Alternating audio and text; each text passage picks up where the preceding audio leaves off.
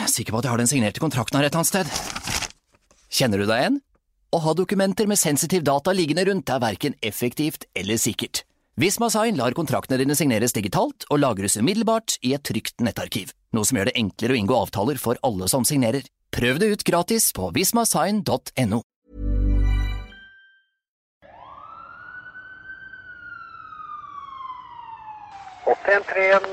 rød respons. Ja. Eh, mulig funn av død person. Hva er situasjonen nå? Situasjonen er at en tankbil eh, har kjørt i fjellveggen, eh, og deler av tanken har eh, revna. To, Ekko 3 E2. Eh, dette avbrytet. Han eh, tok inn en eh, vei som var umulig for oss å følge. Over. Han kan ikke alltid sove gjennom natta som oss andre. Plutselig må han stå opp, hive seg i bilen og haste av gårde på jakt etter nødetatene. Han har vært på dødsulykker, storbranner, naturkatastrofer og drapsåsteder. Sett død, fortvilelse og store ødeleggelser på nært hold. Møtt mennesker som plutselig har fått livet snudd på hodet. Og mer enn én gang har han vært først fremme, før politiet, før brannvesenet. Theo er fotografen som lever livet etter nødetatenes Twitter-oppdateringer. Telefonen er alltid på, batteriene er alltid ladet. Theo er blålysjeger, alltid på jakt etter det beste bildet. Du hører på Thea Dokumentar, en podkastserie av Telemarksavisa. Laget av Juni Vendelin Fasting Og Erik Edvardsen. Dette er episode én av to av Han som aldri sover. 821 822 rød respons. Rød retning eh, Minneparken Frisebrygga. Det var da min filmpartner og kompis Fredrik. Han kjørte forbi en ulykke på Skjelsvik i 2013. Og han, eh, sier, han ringer meg og sier «Du, 'Det er en ulykke i Skjelsvik-krysset. Du må komme en gang. Ta med alle kameraene.' sier jeg. og jeg eh, pakka en stor koffert med masse kamerautstyr. Tok med en TV, eh, stativ Jeg tok med alt jeg hadde. da. Jeg visste ikke hva jeg fikk bruk for. Jeg tok med en Steadicam òg, tror jeg. Så jeg tok med kofferten og trilla den opp til Kiwi på Stridsklev. Jeg hadde ikke noen til å kjøre meg. Og sjekka bussen, og den gikk, eh, den gikk ikke da. Så jeg haika. Men Du sa du trille, Var det en trillekoffert? Ja. Du haiket med en trillekoffert full av fotoutstyr? ja. Så jeg stoppa, stoppa en bil midt i gata og sa du, kan du kjøre meg ned til Skjelsvik? Det er en ulykke der. og jeg må filme. og da kom jeg Jeg ser masse blålys. To biler som har frontkollidert i krysset der. Og møtte kompisen min. Vi var helt ville og bare Ok, du filmer der, jeg filmer her. Vi visste jo ikke hvem vi skulle levere filmen til. Jeg hadde jo ikke noen, noen jeg jobba for. Men uh, det var action, og vi ville dokumentere det. Hva ble det, gjorde Leverte dere den til noen, den filmen? eller? Ja, Det endte opp med at vi sendte et bilde og en film til avisa i Telemark, Varden. Tok de det inn? Varden brukte det ene bildet. Og da kunne jeg se navnet mitt sto under bildet. Og da var det liksom wow, kult. Dette er Theo Aasland Valen. Du har sikkert sett navnet hans under bilder av alt fra ulykker til drap og branner. I dag så er Theo 24 år og fast frilanser for Thea. Men tross sin unge alder er han langt fra en nybegynner i gamet. Allerede på barneskolen så skjønte han at det er foto som er hans største lidenskap i livet. Jeg var syv-åtte år gammel. Det var da jeg fant ut at jeg hadde en interesse for eh, foto og film. Så en dag så lånte jeg mamma sitt kamera. Samla noen eh, kompiser i nabolaget på Stridsklev. Og vi gikk ut i skogen og lagde skrekkfilm. Med det kameraet til mamma. Nei, det handla om at det var en eh, morder som løp etter eh, en gjeng i skogen. På det kameraet kunne man redigere inne på kamera. Så vi klepte det sammen, men eh, det ble ikke særlig skummelt. Etter hvert så kjøpte jeg inn mer utstyr for uh, bursdagspenger og konfirmasjonspenger. Jeg kjøpte flere kameraer, og jeg starta å spørre artister i lokalområdet om jeg kunne komme og filme konserten deres. Blant annet eh, Admiral P. Han skulle spille på Kaffe K. Så jeg sendte en melding til manageren om meg og en kompis kunne komme og filme det. Og det kunne vi. Vi la det ut på YouTube. Den fikk eh, flere views. Og vi fikk eh, veldig skryt av eh, Admiral P og manageren. Og de spurte om vi ville være med mer ute på konserter. Etter hvert så ble jeg med Admiral P rundt på turneer i Norge og Danmark, Sverige. Så jeg var med de i flere år og lagde filmer. Så det var liksom starten, da. På min eh, film- og fotokarriere.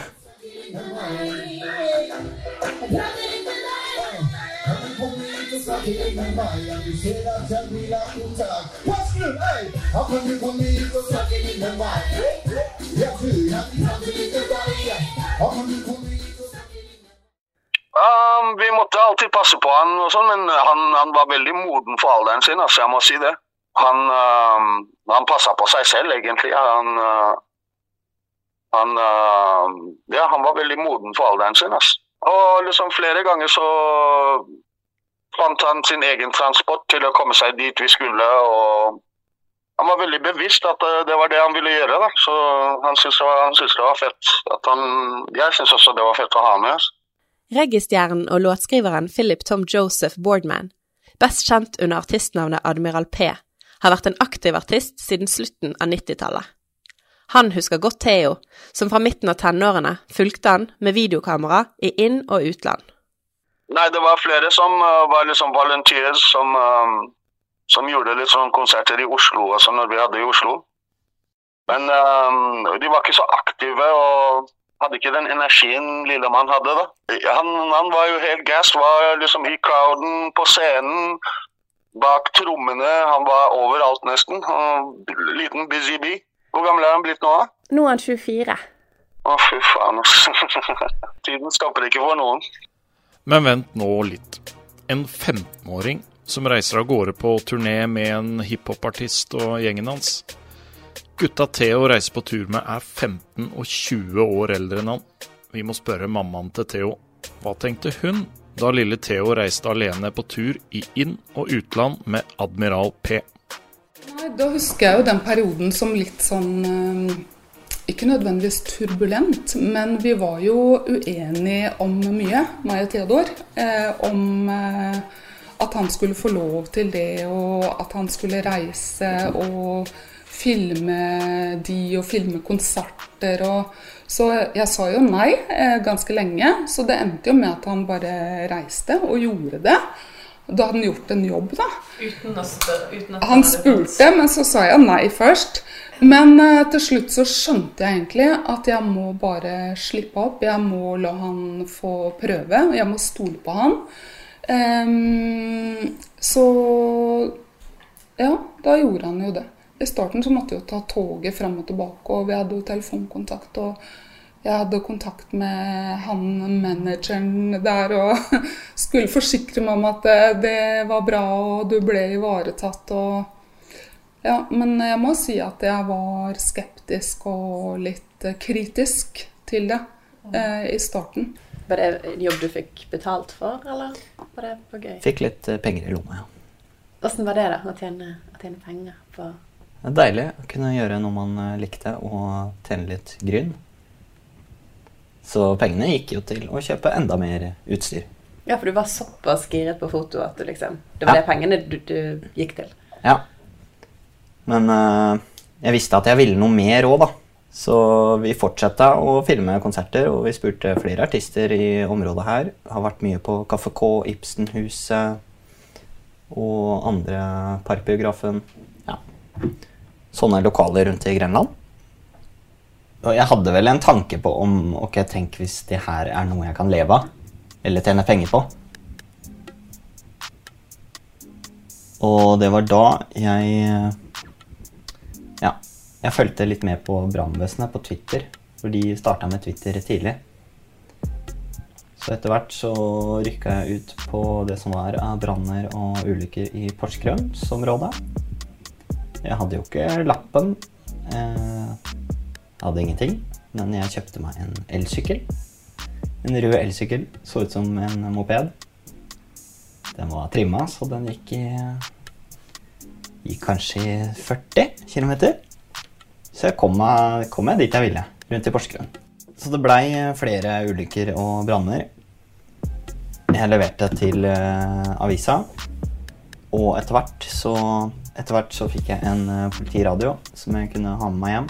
Den radioen hadde jeg på 24 timer i døgnet i uh, noen år. Så du fulgte med hele tiden? Hadde med overalt. Sto på nattbordet på natta. Ble vekt flere ganger hver natt. Det var mye rare meldinger. Det var Av det som ble sagt, så var det veldig lite som var interessant. Så du måtte jo høre på alle meldingene og bestemme deg for ok, hva, er, hva kan være en sak, og hva er ikke en sak. Skjønte du det? I starten så visste jeg ikke hva som kunne være en sak og ikke. Men det lærte jeg jo fort, da. På denne tida her så var Theo fortsatt tenåring og bodde hjemme hos mammaen sin, Ulla Aasland. Jeg husker spesielt på hvis det skjedde noe rundt. Um, husker jo ganger hvor jeg våkna opp på natta hvis jeg skulle på do eller et eller annet, så var ikke Theodor der. Og jeg bare Herlighet, hva er det som har skjedd? Eh, og så ringte jeg, da. Nei, han var ute på et oppdrag eller hadde tatt taxi eller eh, et eller annet. Så til slutt så eh, Hvis det skjedde noe på natta, eh, så av og til så kjørte vi inn, da. Istedenfor at han skulle ut og prøve å skaffe noen til å kjøre seg dit og streve med å komme seg til plassene. Så vi har jo vært oppe litt på nettene, vi også. Kjørt rundt i skauer og overalt før du fikk ditt eget transportmiddel, da. Åssen var det, da? Å kjøre han rundt på oppdrag? Eh, nei, det gikk greit, det. Vi tenkte at det er eh, noe som vi kan gjøre, og han er veldig interessert i det her. Og da har vi muligheten til å gjøre det. Mm. Hvordan var det å se han jobbe, da? På den måten? Eh, I starten så var det jo veldig ja, spesielt. Vi tenker jo på Theodor som den lille gutten vår, og plutselig satt han og prata i telefonen med voksne mennesker. Og 'Hvem er det du prater med?' sier jeg. 'Nei, det er den og den personen', og eh, politi og forskjellige instanser, da, hvor han på en måte eh, Jeg opplevde jo Theodor da som en eh, voksenperson da, i kommunikasjonen han hadde med andre mennesker. Så vi ble jo veldig sånn overraska i starten. Um, husker jeg. Men um, Så det var litt sånn fra å være barn til å være en voksen arbeidstaker. Så nå er vi vant til det. Men uh, det var litt sånn rart i starten. Da.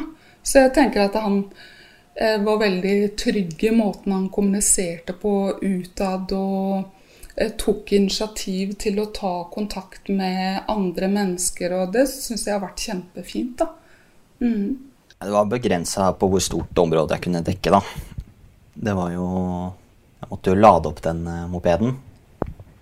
Den gikk ikke så langt. Den gikk ned til Porsgrunn sentrum og opp igjen til Stridsklev. I natt så lå jeg og sov.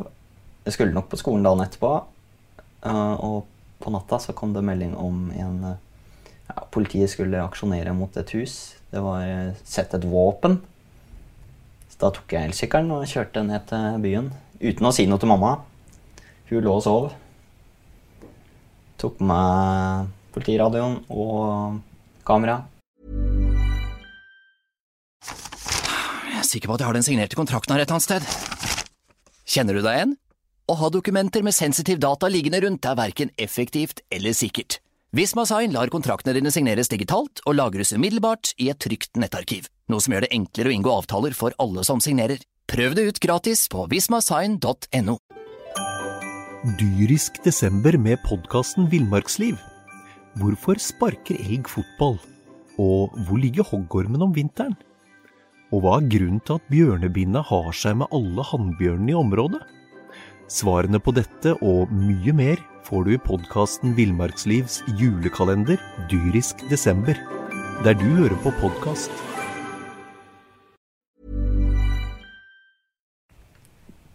Tok bilder, og det var kanskje et av bildene jeg Et av de første bildene jeg kunne selge, da. Som jeg valgte å selge og prøve å ta penger for det. Ja, for det, det du hadde jobbet fra Varden før det, hadde du ikke fått betalt for? Nei, jeg leverte mye bilder i starten gratis. Ja, Men da skjønte du at ok, men nå kan jeg faktisk begynne å ta penger? Ja. Ok, og, Men det bildet, da. Eh, var det et bra bilde? Sånn når du, hvis du ser på det i ettertid? Ja, det var et kult bilde på avstand. Jeg ble jo jaga litt vekk, da. Fordi at politiet kom ut med våpen og skulle til å pågripe en mann, da. Åssen var det for deg? Det, jeg skjønte jo at det kommer til å skje, for det var jo en mann som gikk ut med våpen.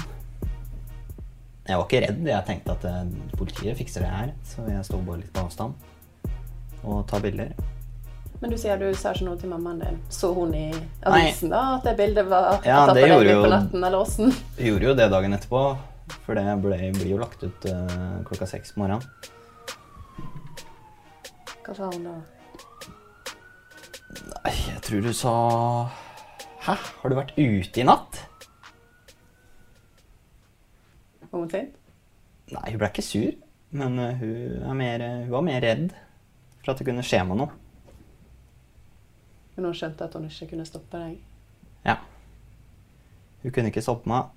Hun så også at det var noe jeg brant for veldig, da. Men hun var eh, Hun tenker jo på framtida mi, da. Tenkte på framtida mi, og hun så nok ikke at det, dette var noe man kunne leve av.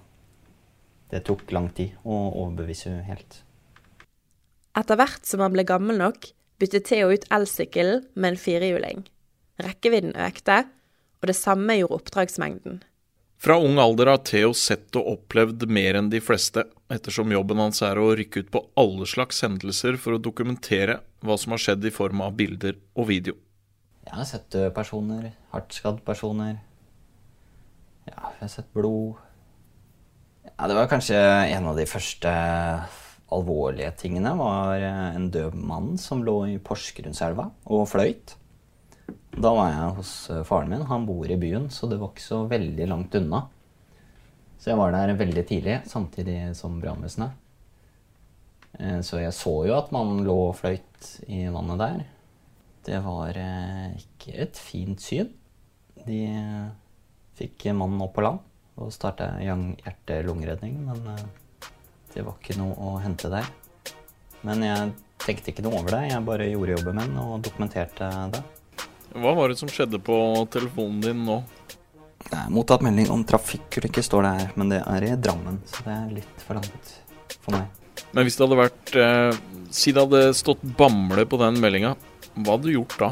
Da hadde jeg dratt nå. Så måtte vi fortsette intervjuet en annen dag.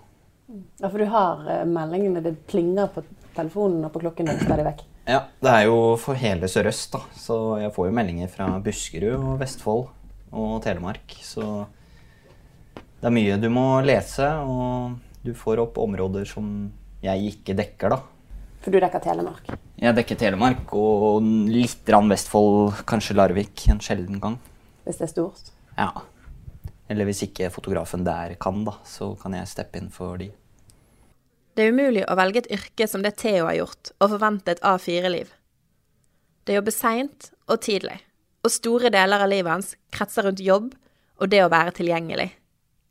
For Theo har det faktisk gått så langt at òg hvor han har valgt å bo, er styrt av livet som blålysjeger.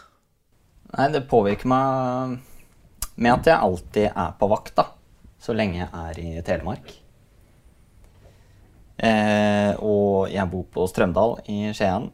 Dit flytta jeg fordi at eh, Da er jeg naboen til politistasjonen, så jeg hører jo veldig ofte hver gang det er eh, en utrykning. Så det er jo Jeg hører jo masse sirener hver dag, og da er det sånn stramme i hele kroppen, og da er du på alerten, og da må jeg finne ut av ok, hva er det som skjer nå. Så du har rett og slett kjøpt et hus for å være nærmest mulig politi og brannvesen, Ja. som er også like i nærheten. Ja. Det er grunnen til at jeg flytta dit. Så er det fin utsikt òg, da.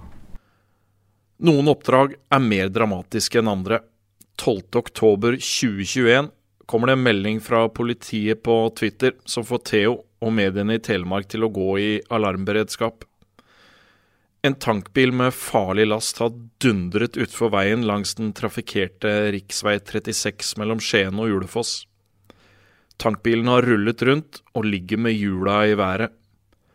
Når Theo setter fart mot stedet, vet han ikke hvor farlig situasjonen potensielt kan være. Alt han vet, er at han skal ha de beste bildene. Men det skal ikke bli lett. Veien er stengt flere kilometer unna ulykkesstedet. Mellom der Theo må sette fra seg bilen, og der tankbilen ligger, er det stort sett bare skog. Eh, Jeg tar beina fatt, og jeg jogger i seks eh, kilometer. Jeg tenker eh, ok, jeg har lyst til å få bilder av det her før de andre fotografene. Jeg må jo ta med meg kameraene mine og sånt òg, så det, det er jo litt utstyr å jogge med. Nei, for når du går ut av bilen og begynner å jogge, vet du hvor du skal hen? Ja, jeg, visste sånn noenlunde hvor det hadde skjedd. Casen her var jo at eh, det var vel ikke helt innafor å gå dit så tidlig som jeg gjorde. Så jeg gikk i skogen ved siden av veien. Det var ikke noe tursti eller noen ting, så det var eh, rein skog. Det var ikke så lett å jogge der, men eh, Hvorfor gikk du ikke på veien? fordi at det var eh, politipatruljer som kjørte langs veien. Og jeg ville ikke bli sett. Ok, Så du skjønte at det kunne være en viss fare for at hvis de så deg, så ville du få beskjed om å snu? Ja. Hvorfor skjønte du det? Fordi at eh, det var vel ikke helt avklart der enda Om det var lekkasje eller ikke, da. Om det var trygt, rett og slett? Ja, om det var trygt i området. Jeg dreit litt i det. Jeg skulle ha bilder. Så ja. Jeg gikk litt veier som, som jeg ikke kunne bli sett da, fra veien. Så jeg gikk i skogen ved siden av veien. Og det var tungt, for det var ikke noe sti. Jeg måtte gå over trær og i store oppoverbakker og nedoverbakker. og- Ja, så jeg gikk i seks kilometer. Og så kommer du inn til å finne tankbilen. Ja, altså Etter hvert så ser jeg da tankbilen. Jeg står jo fortsatt på veldig god avstand. Eh, Jeg sørger for at det er ingen som ser meg. Ja, da tok jeg bilder på god avstand. Og jeg følte at det, det egentlig var trygt. Når jeg kom bort til eh, tankbilen, så kom det heldigvis en melding om at det ikke var noe fare. da. Og det var heller ikke noe lekkasje. Så da visste jeg at det var trygt. Så da gikk jeg litt eh, nærmere og tok eh, bilder. da. Og sendte til eh, forskjellige mediehus.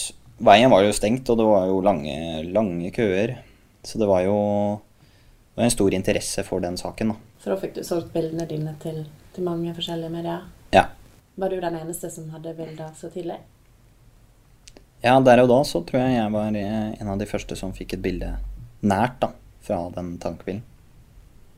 Åssen føles det å være liksom først på saker? Det er eh, deilig å være først og tidlig ute med de beste bildene. Det er jo det som betyr noe Det betyr mye for meg, og det betyr også mye for eh, hva du kommer til å tjene, da. Jeg husker ikke akkurat hvor mye det var på det oppdraget, men eh, det var, eh, det var flere tusen i hvert fall. Det meste jeg har tjent på en sak, det er eh, 17 000. En som har møtt Theo ute på mange oppdrag, er innsatsleder ved Sør-Øst politidistrikt, Marius Dale. Theo har jeg egentlig kjent til i mange år gjennom min, eh, min jobb som eh, politimann. Eh, På ulike skadesteder og oppdrag så har jo Theo, selv på tross av sin unge alder, vært med lenge i det gamet allerede. Uh, og spesielt de siste tre åra hvor jeg har hatt en funksjon som innsatsleder i distriktet, så så blir det som regel jeg som uttaler meg til media på ulike oppdrag. Og ser at eh, Theo han er eh, alltid tidlig på, og er eh, der det skjer.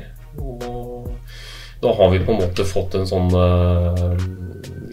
kunnskap om hverandre der, som gjør at jeg syns i hvert fall han gjør jobben min lett på måten han ivaretar sin rolle på. Og så håper jeg også at uh, vi også bidrar til å dekke det han trenger i, i sin rolle som en, en frilansjournalist. Du som innsatsleder, er, er det Theo du treffer oftest av journalister i Telemark? Ja, skal vi si, Han er i hvert fall blant topp tre. Og han er veldig ofte der vi er. Og det er jo primært i forbindelse med hendelser som eh, er dagligdagse for eh, vår del. Men eh, det kan være alt fra store til små hendelser. Mindre trafikkulykker til andre typer oppdrag som handler om psykiatri, eller ting som sånn sett ikke er en mediasak. Og opplever da at den der gjensidige respekten for hverandres roller, den, den byr ikke på noen problemer dette er ikke en nyhetssak eller dette er ikke en mediesak. På pga. Eh, oppdragets art så er det alltid respekt for det. Mm. Det er ikke noe vi trenger å ettergå i, i stor grad. Det har jeg sjelden eller aldri opplevd, tror jeg. En av de som jobber tettest med Theo, er Karina Sofie Pevik. Hun jobber som det som kalles frontsjef i Thea. Det er hun som bestemmer hva du ser på thea.no til enhver tid. Når Karina er på jobb, så er det hun som har ansvar for hvilke saker som blir publisert når. Samt at hun holder avisen oppdatert med siste nytt rundt store og små hendelser som skjer i Telemark. Hun må hele tiden holde styr på hva nødetatene driver med, men hun sitter hele vakten på kontoret. Derfor er det ikke hun sjøl som er ute på ulykker og branner. Den jobben er det ofte Theo som gjør. Enten så ringer Theo meg og forteller at det skjer noe, eller så tar jeg kontakt med han om jeg vet om noe som skjer. Han rykker ut og holder meg løpende oppdatert på hva det er som foregår, mens jeg sitter i redaksjonen og skriver saken. Ja, Så han forteller deg, og så sitter du og skriver ned det ja, sier? han holder meg fortløpende oppdatert på hva han ser, eller hva innsatsledere på stedet sier. Og så sitter jeg og skriver og får ut saken. Uh, mens jeg snakker med operasjonssentralen. Så jeg skriver og har kontakt med de, mens han ta bilder og samle informasjon fra selve stedet. Eh, noen ganger så ber jeg han òg snakke med vitner eller mennesker som er der. Han har jo banka på noen dører opp igjennom. Eh, han er proff i det han gjør, han er observant og klarer sjøl å sile ut de tinga som er viktig at leserne får vite om. Sånn som f.eks. trafikale problemer, oppfordringer fra nødetaten eller politiet og alle dager i året, uansett tidspunkt eller hva han holder på med, så rykker han jo ut. Stort sett. Det er, noe, det er noen unntak, men da har han unna seg en ferie. Det har jo alt å si. Eller når jeg sitter på, på front, så vil jeg jo at Thea skal være først og best. Og det hadde man jo sjelden klart uten Theo. Og jeg kan jo komme 06 på morgenen til vakt, og det ligger full pakke klar på mailinnboksen med bilde, video, intervju med innsatsleder. Så at han står på og rykker ut, har jo mye å si for, for leserne og oss. Leserne hadde kanskje ikke hatt så god opplevelse av alt vi skriver. For det er jo sånn hvis man leser om noe, og det kun er tekst, så føler man ikke så nærhet. Men hvis det er et bilde fra stedet hvor du kanskje vet hvor er, så får man automatisk litt mer effekt. Og det er jo mye av Theo som er grunnen til.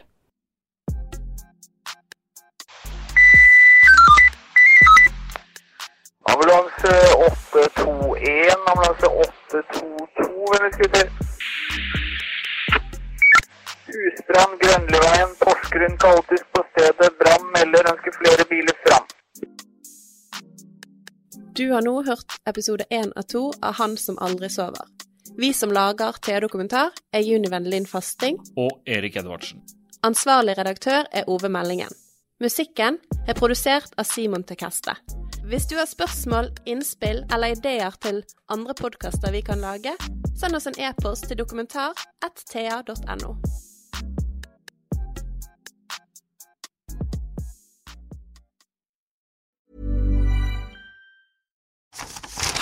er sikker på at jeg har den signerte kontrakten her et annet sted.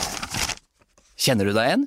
Å ha dokumenter med sensitiv data liggende rundt er verken effektivt eller sikkert.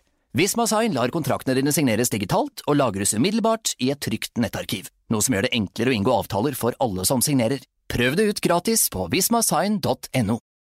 Har du et enkeltpersonforetak eller en liten bedrift? Da er du sikkert lei av å høre meg snakke om hvor enkelt det er med kvitteringer og bilag i fiken, så vi eh, gir oss her, vi. Fordi vi liker enkelt. Fiken superenkelt regnskap.